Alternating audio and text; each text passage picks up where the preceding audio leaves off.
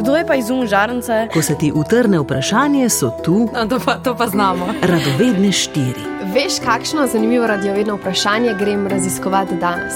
Radiovedni Jaz mislim, da nisi nikoli prestar, da si radoveden. na valu 202. Ajda, kaj delaš? Zbiram gradivo za radiovedne. Au! Pravkar te je zadev moj današnji predmet proučevanja. A kaj, a snežna kepa? Ja, raziskujem, koliko snežink je v eni snežni kepi. Ampak se mi zdi, da takole ne bom prišla do odgovora. Lahko pa ti ugibaš. Kaj misliš, koliko snežink te je ravno kar zadelo? To pa je težko vprašanje. 20 tisoč? V bistvu ne vem.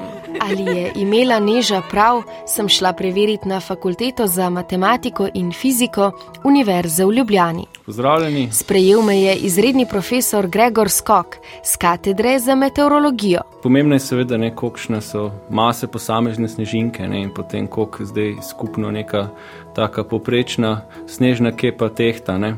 Zdaj za maso snežinke tako, da je lahko zelo, zelo različna. Imamo lahko res une čista male snežinke, take ledene kristalčke, ki so težke recimo nekaj deset mikrogramov. Po drugi strani pa imamo lahko tudi take večje snežinke, ki so pa tudi lahko nekaj deset miligramov. Ne. Te te večje snežinke se tipično tako naredijo, da se več teh malih um, kristalčkov se skupaj zlepi ne, med padanjem ne, in dobimo lahko te velike snežinke, ki so recimo centimeter, tudi kakšne res ekstremno lahko uh, velike. Ne. Ok, zdaj, glede mase snežne kepe, je pa tudi lahko precej različno, ne? verjetno vsakem ustreza malo drugačna teža, ne? pa velikost, ampak recimo rečemo, da je neka smiselna teža je tam okoli 100 gramov, nek se tako že lahko fajn vrže. Če torej sneg, ne, iz katerega smo naredili uh, snežno kepo, nastal iz takih sorazmerno majhnih snežink, ki so bile težke 100 mikrogramov, potem jih za kepo težko 100 gramov, Uh, potrebujemo en milijon, ne, sprav kar velik. Ne. Uh, če pa zdaj sneg nastaja iz teh nekoliko večjih snežink, težkih recimo 10 mikrogramov, pa jih potrebujemo le 10 tisoč. Neža je imela kar prav, saj mi je Gregor Skok pojasnil tudi, da v dolinah, kjer so temperature više, navadno najdemo tiste večje snežinke. Ponavadi v dolinih v Sloveniji, ne, čez zimo padajo take večje snežinke.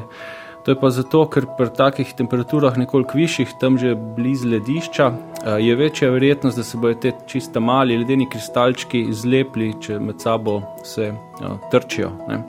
Medtem ko uh, v visokogorju, ne, ko so pa precej niže temperature, lahko, ne, ko pada sneg, um, pa doskrat padajo te čista mali kristalčki.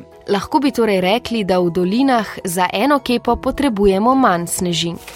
Na višjih nadmorskih višinah, kjer so temperature nižje, pa jih bomo morali za eno kepo v naših dlaneh zbrati občutno več. Radiovedni Pač eni ljudje iz radia, ki so preveč radovedni.